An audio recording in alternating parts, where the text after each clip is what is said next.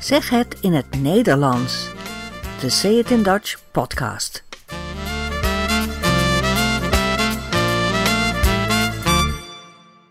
Nummer 16. Welkom bij deze podcast. In deze aflevering praten we over de Nederlandse kunstenaar Escher. Je hoort hem zelf iets in het Nederlands vertellen. We hebben ook acht weetjes over de Nederlandse taal, want op 26 september is het de dag van de Europese talen. En natuurlijk weer een televisiefragment. Het gaat deze keer over de lange wachtrij bij de belastingtelefoon. Veel plezier bij deze zestiende aflevering van Zeg het in het Nederlands. Dit jaar is het 120 jaar geleden dat de Nederlandse grafisch kunstenaar Maurits Cornelis Escher werd geboren in Leeuwarden. Hij is in Nederland, maar ook in de rest van de wereld heel beroemd. Hij heeft bijzondere prenten gemaakt met fantasie, optische illusies, onmogelijke tekeningen waarin hij een spelletje speelt met het perspectief. Ik weet zeker dat je wel eens een prent van Escher hebt gezien. De metamorfose van vogels en vissen bijvoorbeeld. Of het paleis waarin het water omlaag en omhoog stroomt. Of de spiegelbol. En zo kan ik nog wel even doorgaan. In Den Haag is een permanente tentoonstelling over Escher te zien. In Brooklyn, New York kun je tot februari 2019 ook een interessante expositie bezoeken. En tot eind oktober dit jaar vind je in het Fries Museum in Leeuwarden, in Friesland dus, ook een speciale expositie van zijn werk. Escher is in Leeuwarden geboren, als vijfde zoon van een waterbouwkundig ingenieur. Op 17 juni 1898 werd hij geboren en ze noemden hem Maurits Cornelis Escher, maar zijn familie en vrienden noemden hem Mauk of Mauki. Ze verhuisden naar Arnhem en daar moest hij naar de middelbare school. Dat heette toen nog burgerschool, de hogere burgerschool, HBS. Hij was niet zo goed op school en hij vond het helemaal niet leuk. Afschuwelijk, zegt hij. Hier vertelt hij zelf over die tijd. Op de burgerschool in Arnhem, waar ik uh, was, daar uh, was de tekenles voor mij ver weg het prettigste van alles. Ik vond die school afschuwelijk. Behalve de tekenles, dat was een soort van verademing. Maar dat wil niet zeggen dat ik een uitzonderlijk goede tekenleerling was. Uh, ik kon het wel betrekkelijk goed, maar helemaal niet uitzonderlijk. Ik geloof dat ik op mijn eindexamen een 7 heb gehaald. Hij kreeg voor tekenen dus een 7. Een 10 is het hoogste cijfer dat je kunt krijgen, dus een 7 was niet zo hoog. Maar wel hoger dan de andere vakken. Want hij zakte voor zijn eindexamen en haalde geen diploma. Zonder diploma kon je niet studeren, maar dankzij een speciale afspraak van zijn vader mocht hij toch bouwkunde studeren. Zijn ouders hoopten dat hij architect zou worden en gebouwen zou ontwerpen, omdat hij zo goed kon tekenen. Ze wilden liever niet dat hij kunstenaar werd. Dat was geen echt beroep, daar kon je niet van leven, zeiden ze. Escher vertelt het zelf in een interview. Luister maar. Ik ben naar de school voor bouwkunde en sierende kunsten in Haarlem gegaan. Uh, met het idee om daar architectuur te studeren. Uh, dat was omdat mijn ouders uh, waarschijnlijk dachten... die jongen die moet er maar eens proberen of die dat kan. En daar kwam ik onder handen van mijn leraar Jessoen de Mesquita, die zelf een hele bekende graficus was. En die heeft gezien de, de, de, de linoleumsneden die ik als leerling van de burgerschool heb gemaakt. En die, die, zag daar blijkbaar wat in. En die uh, zei, toen zou je eigenlijk niet in plaats van die architectuur te gaan studeren... liever doorgaan als graficus. En dat wou ik maar al te graag. Dat vond ik natuurlijk veel leuker. Die, die architectuur heeft me eigenlijk nooit iets gezegd. En mijn vader heeft toen schoorvoetend gezegd... nou ja, vooruit, dat moet dan maar. Hè. Maurits liet dus een prent, een linoleumsnede aan een docent zien. En die docent, dat was de bekende graficus Samuel Yesurun de Mesquita. En die ging naar de ouders van Escher en die zei dat Maurits beter grafisch kunstenaar kon worden. En de ouders vonden het goed, na lang nadenken hoor. Escher gebruikt het mooie woord schoorvoetend. Dat betekent hele kleine stapjes zetten en uiteindelijk toch gaan. Schoorvoetend. En hij ging grafische kunst studeren in Haarlem. En Samuel Yesurun de Mesquita werd een goede vriend van hem. Na de studie ging hij naar Italië en hij werd echt verliefd op Zuid-Italië. Hij vond Nederland te beperkt, terwijl in Italië prachtige hoogteverschillen en veel zonlicht te vinden was. Daar tekende en schilderde hij landschappen en kleine dorpjes en hij ontmoette zijn liefde Giulietta, Jetta, en hij trouwde met haar. Ze gingen in Rome wonen en maakten veel reizen. Escher bezocht ook Spanje, waar hij mooie Moorse tegels zag. Italië en Spanje waren belangrijke inspiratiebronnen voor zijn werk. Hij was ook een heel goed fotograaf. Hij maakte thuis en tijdens zijn reizen prachtige foto's, die hij later gebruikte als basis voor zijn grafische werk. In de jaren twintig waren de tekeningen en prenten van Escher nog min of meer realistisch, zoals landschappen of watervallen of dorpsgezichten. Maar al gauw werden de tekeningen steeds meer aparte kunstwerken die niet zoveel meer met de realiteit te maken hebben. Hij begon bijzondere vormen te maken, met onmogelijk perspectief of metamorfose of ritmische figuren. Daar kennen we Escher zo goed van.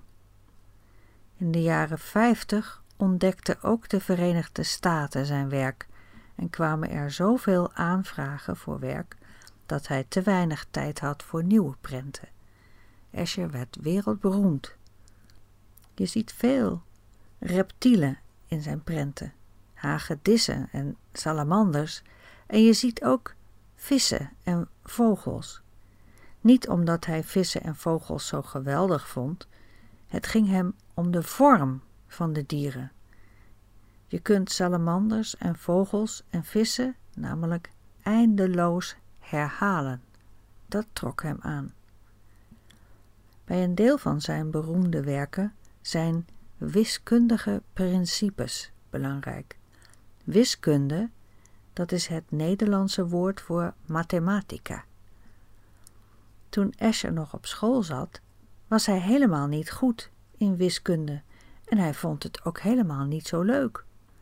Dus het is wel grappig dat juist wiskundigen zijn werk zo interessant vinden. Escher hield van de symmetrie en de wiskundige ordening, net als in de muziek van Bach. Vooral de kanon bewonderde hij. In 1972 stierf Escher. Je kunt meer over hem te weten komen op de website van de stichting die voor zijn werk zorgt. En dat is www.mcescher.nl.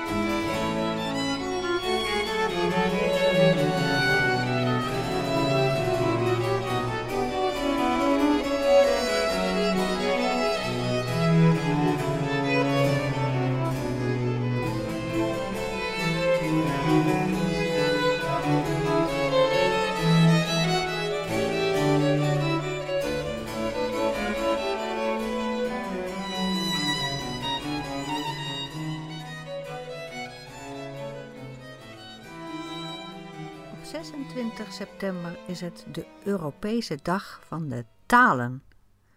En daarom even een paar woorden over de Nederlandse taal. Je kunt deze informatie en ook informatie over de andere 45 Europese talen vinden op de website van de Europese Dag van de Talen. Daar kun je ook een taalquiz spelen. Oké, acht weetjes over het Nederlands. 1, De Nederlandse taal is familie van de Duitse taal. Dat zie je aan de grammatica en de spelling. In het Nederlands kun je ook veel Franse woorden vinden, bijvoorbeeld ambulance, conducteur, bagage, plafond. En steeds meer Engelse woorden, zoals computer, manager, weekend. 2, Wist je dat ongeveer 1% van de Engelse woorden uit het Nederlands komt? Het Nederlandse woord baas is bos in het Engels. En dan heb je de woorden cookie, dam, landscape, lak, easel, skates, stove en zelfs walrus. 3, Nederlanders houden van verkleinwoorden, diminutieven. We kunnen ook grote dingen met een verkleinwoordje zeggen. Wat een lief koetje, zeggen we dan. En een koe is helemaal niet klein. 4, Het standaard Nederlands is begonnen na de middeleeuwen. Eerst waren er allemaal dialecten, maar in 1637 kwam er een Nederlandse vertaling van de Bijbel, waarin alle dialecten samenkwamen, een soort algemeen Nederlands, dat iedereen in de lage landen kon begrijpen. En toen was het Nederlands geboren. 5, We gebruiken klinkers, vocalen en medeklinkers, consonanten. Het Nederlands kan verschillende consonanten naast elkaar zetten, vooral als je twee woorden combineert. Sommige woorden zijn dan moeilijk om te zeggen, bijvoorbeeld herfst of angst of angstschreeuw. Angstschreeuw, dat zijn acht consonanten naast elkaar. Maar sommige hoor je niet. 6, In Germaanse talen, zoals Nederlands of Zweeds of Duits, kun je gemakkelijk woorden aan elkaar plakken om nieuwe te maken. In het Engels moet er dan een spatie tussen. Maar in het Nederlands mag dat niet. Daar moet je ze echt aan elkaar lijmen.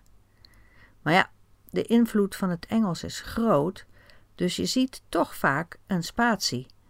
Dat noemen we the English disease. Het kan soms een grappig effect hebben, omdat er een andere betekenis kan komen. Bijvoorbeeld driejarige paarden. Driejarig betekent drie jaar oud. Dus de paarden zijn drie jaar oud, driejarige paarden. Maar als je een spatie schrijft tussen drie en jarige, dan zijn er drie paarden die een verjaardag vieren. Drie jarige paarden. Gefeliciteerd! 7, Het woordenboek Van Dalen is het belangrijkste woordenboek van de Nederlandse taal. Het is een dik boek in drie delen. Daarom noemen we hem vaak de Dikke Van Dalen. Je kunt nu ook online woorden zoeken bij Van Dalen.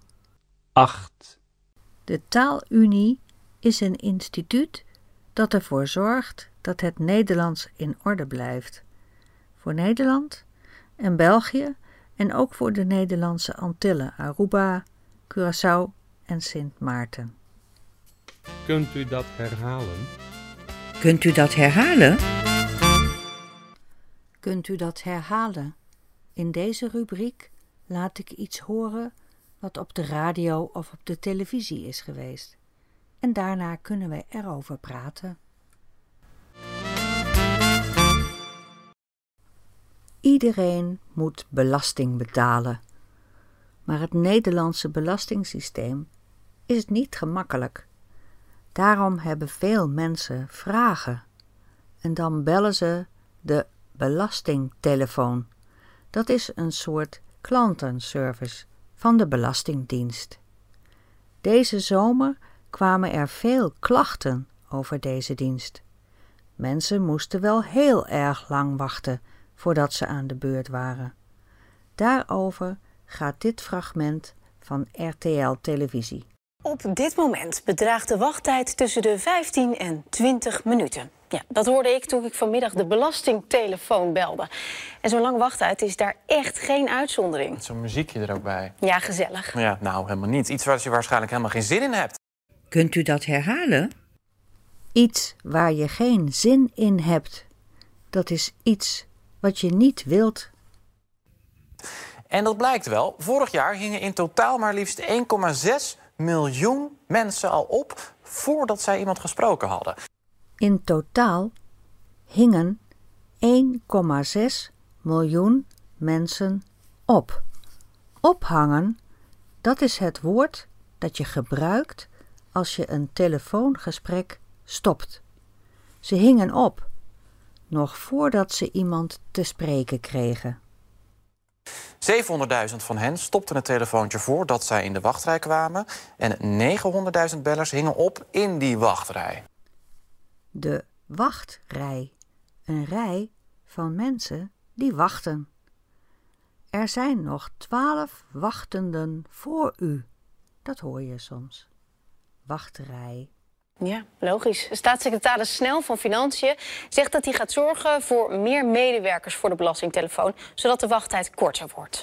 Een staatssecretaris is een soort minister, een onderminister. Zijn naam is Snel. Staatssecretaris Snel.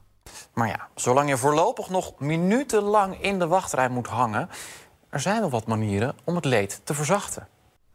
Manieren om het leed te verzachten. Het leed, dat is de pijn, de ellende, die kun je verzachten op verschillende manieren. Misschien herkent u dit muziekje ook wel. Want dit is het meest gebruikte muziekje wereldwijd van de telefonische wachtrij. Irritatie bij de klant voorkomen, dat is een van de doelen van dit soort muziekjes. Voorkomen. Zorgen dat het niet gebeurt. Dus het muziekje heeft als doel om te zorgen dat de klant niet geïrriteerd is.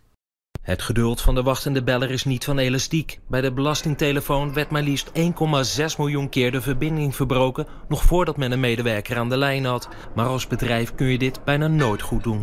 Je hoort nu een paar reacties van klanten. Ik ben al twee jaar bezig met mijn keuken. En voordat je daar doorheen bent eigenlijk, eh, en doorheen geprikt bent, dan kom je op een gegeven moment wel eh, zeg maar bij degene die je hebben moet. Nou, je hebt wel altijd het hele fijne nummer, eh, de Girl from Panama, hè? Ken je dat? Ja, dat, dat vind ik altijd, als ik dat hoor, dan blijf ik even hangen. Welkom bij de Belastingtelefoon. Een van de irritaties bij de belastingtelefoon zijn de vele keuzemenu's waar je je doorheen moet worstelen. U hoort nu een keuzemenu met drie mogelijkheden. U hoort nu vijf keuzes. U hoort nu twee keuzes. Keuzes. Je moet kiezen. Kies een 1. Kies een 0 om door te gaan. Hierna hoor je een mevrouw van de Consumentenbond. Een minuut willen mensen nog wel wachten. En onze ervaring is, is echt anderhalve minuut is wel de maximale tijd dat mensen willen wachten. Dat klopt. Ik ben nieuwsgierig of de belastingtelefoon volgend jaar een kortere wachttijd zal hebben. We zijn aan het einde gekomen van deze podcast. Hopelijk heb je ervan genoten en hopelijk heb je ook een beetje geleerd. Mocht je vragen hebben of uh, reactie willen geven, stuur dan een e-mail naar info@sayitindutch.com en kijk op ons blog dutchidiom.com. Daar vind je meer informatie over deze podcast. Tot ziens!